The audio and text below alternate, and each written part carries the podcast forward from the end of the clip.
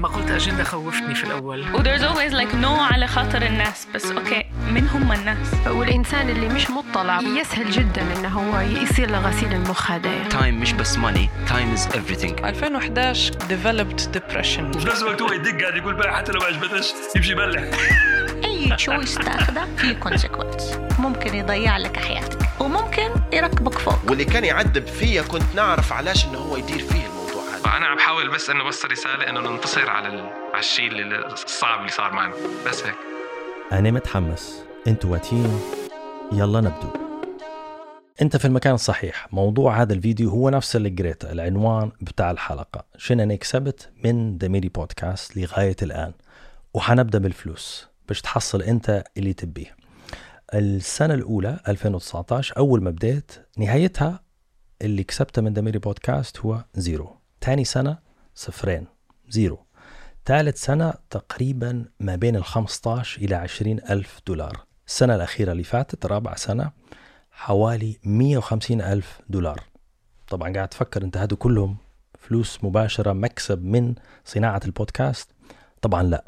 هي خليط ما بين دعم مباشر من المستمعين المتابعين عن طريق الـ Patreon وفي نفس الوقت دعم غير مباشر من sponsors والدعايات والصرف المباشر على الحلقات اللي هي يديروا فيها شركات معينة. الشيء الآخر اللي هو في الحسبة بتاع ال 150 ألف دولار هي الفرص الغير مباشرة اللي جت عن طريق تواجد البودكاست في حد ذاته. وهذا السبب المهم اللي يخليني شارك القصة هي علاش أنت مفروض تدير بودكاست؟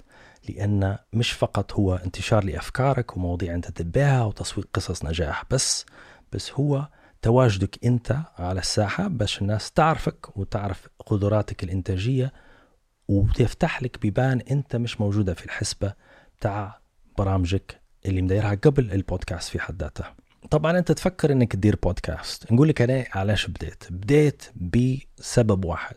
نبي نسجل مواضيع نبحث في أفكار نتحاور مع ناس في نفس الغرفة ونكتشف أشياء أنا ما كنتش نعرفها. هذا السبب الرئيسي. السبب الثاني اللي هو معنوي ولي قيمة أننا نسجل ذكريات ونفتح مواضيع تهمني بصفة شخصية.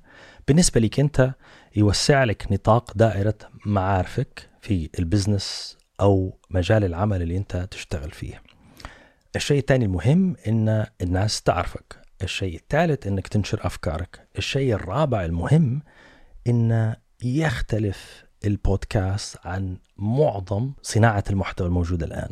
من ناحية واحدة مهمة جدا أن الناس حتعرفك بمستوى أعمق من لو أنك تدير فيديوهات على الفيسبوك أو فيديوهات على اليوتيوب أو فيديوهات قصيرة على التيك توك. علاش؟ الفيديوهات هذيك انتشارها واسع ال download بتاعها كبير جدا.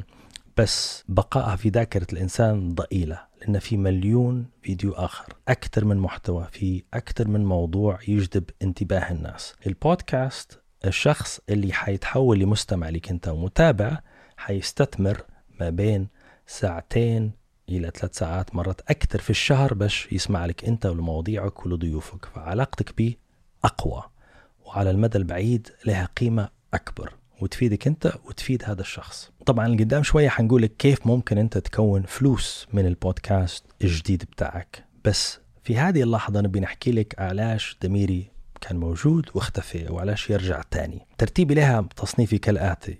2019 كانت الانطلاقة. 2020 كان الانتشار. 2021 كان زي ما نقول الانتكاسة. خش الكوفيد وأصبح ثقيل جدا في تعامل الناس ما بين بعضها. السفر أصبح غير متاح.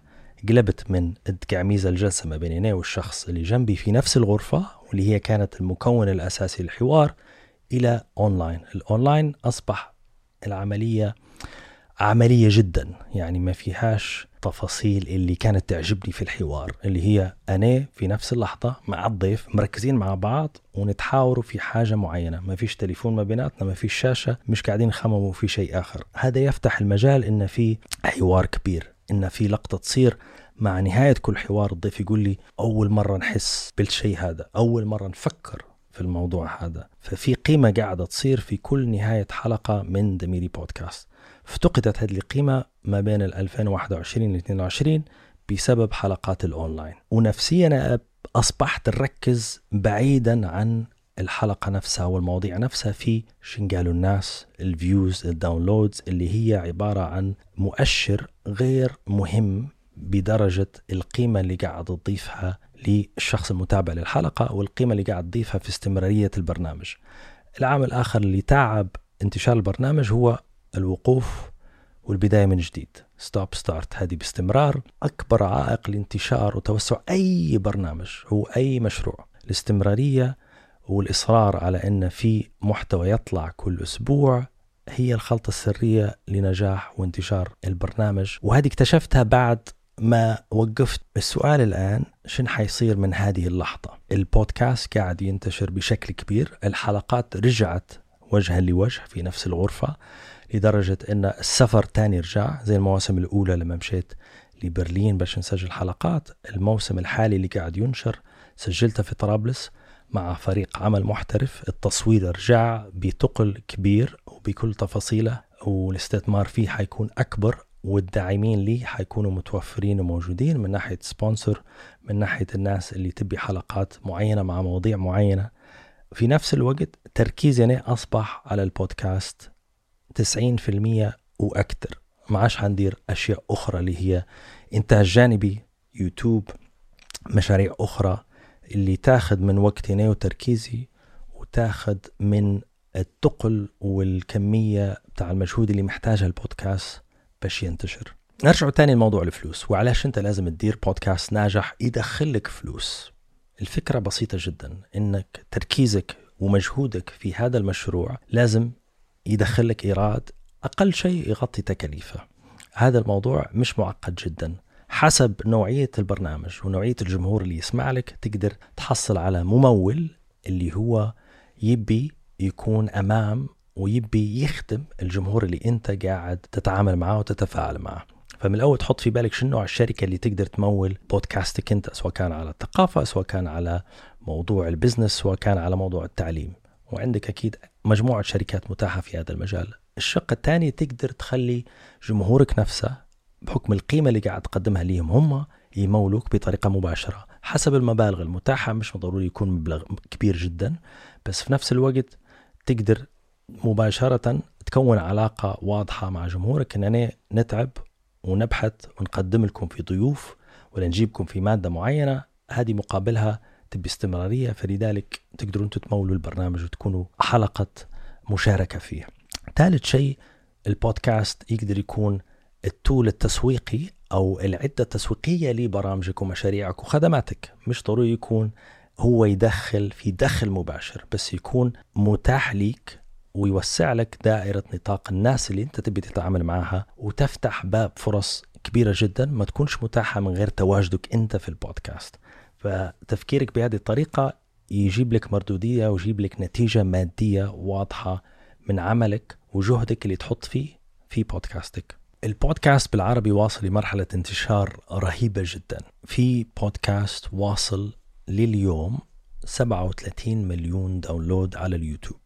هو بودكاست فنجان حلقة من حلقاته المميزة وصلت بانتشار رهيب بحكم القيمة الموجودة فيها. الحلقة هذه كانت ثلاث ساعات فاللي يقول لك لا الناس قاعدة تبحث عن المحتوى القصير والأشياء المختصرة واضح جدا أن مش هذا هو الواقع. وهذا البودكاست بالعربي ففي نقلة رهيبة وفي شغف وفي عطش لكل المواضيع هذه. فلو عندك فكرة على طول تبدأ وتكون فكرة بإنتاجها بطريقة واضحة وتمكنك من استمرارية هذا العمل.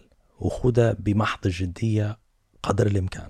أنا نبي نثبت فكرة معينة ألا وهي ضميري حيستمر حينتشر وحيكبر بمجهود جبار. يعني هذه نقول فيها فكرة في دماغنا مقنع بها نفسي وفعليا حنطبقها وحنستمر.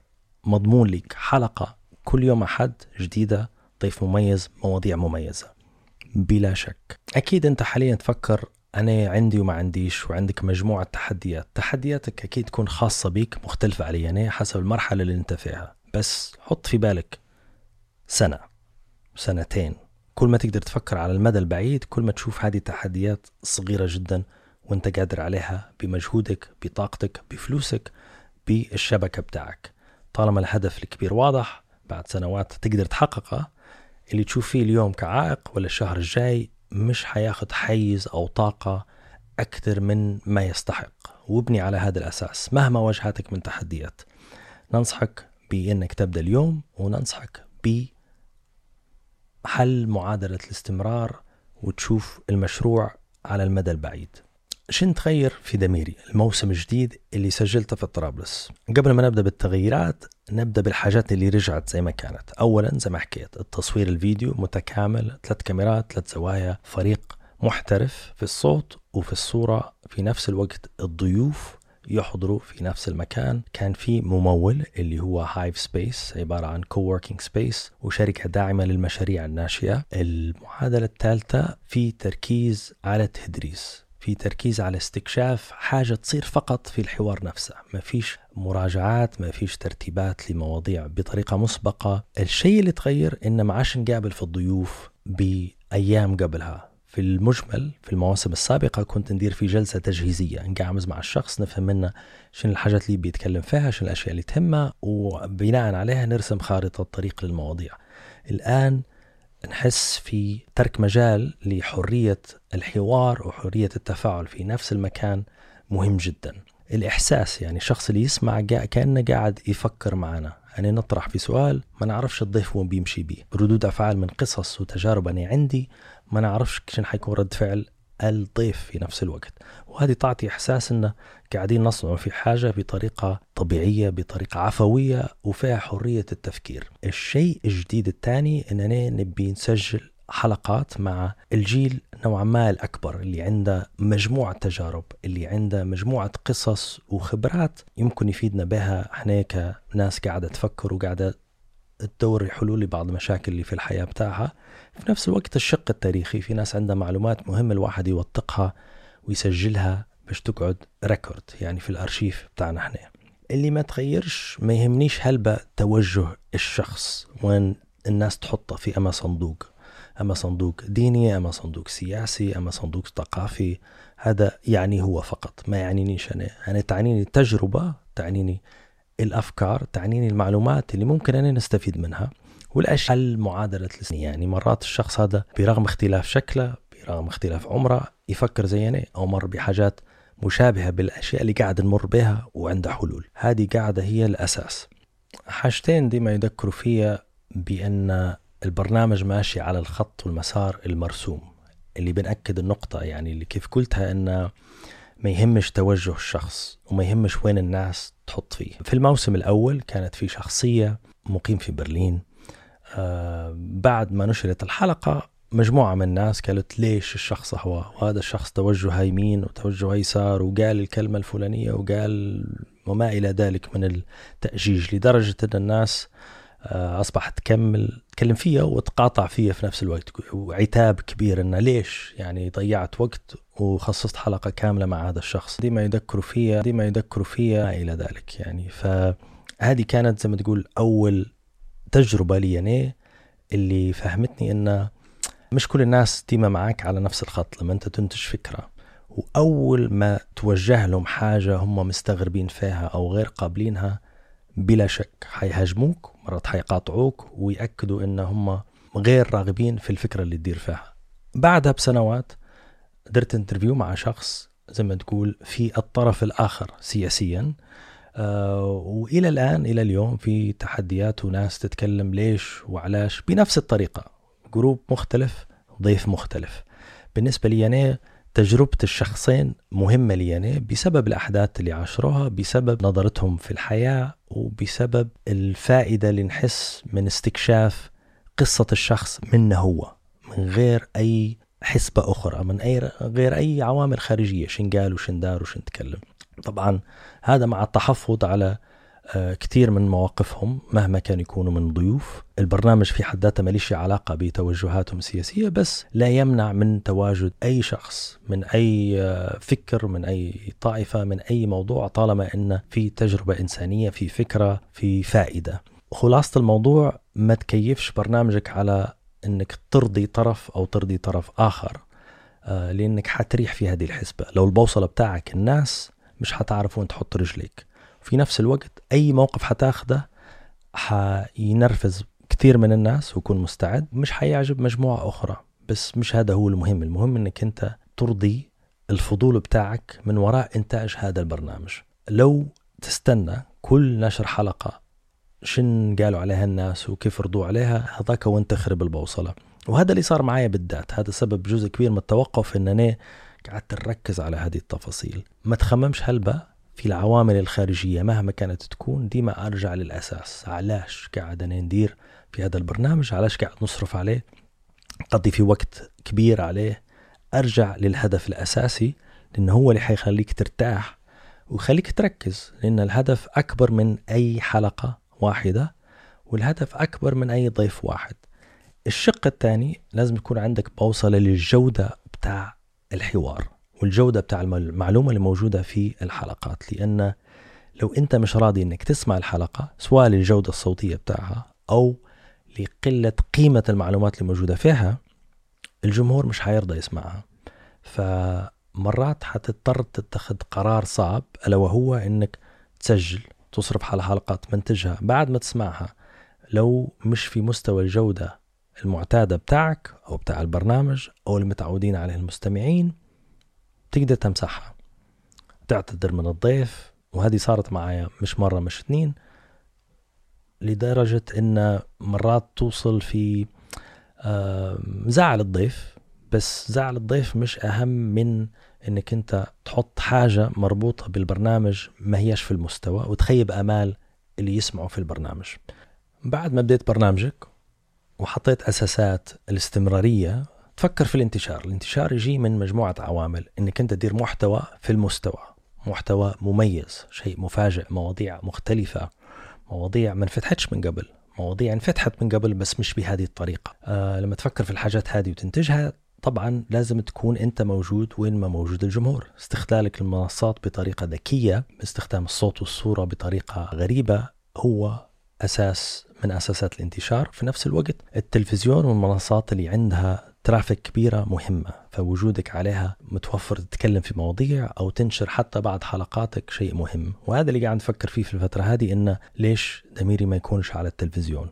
فالآن قاعد في حوار وتواصل مباشر مع بعض المحطات ونشوف المحطة المناسبة بالعرض المناسب إن نجربوا بعض المواسم على دميري أهم نقطة حساسة في أي برنامج وأي حد يفكر فيها اللي تدعم الاستمرارية والنجاح والانتشار هو سبونسر الداعم أو الممول.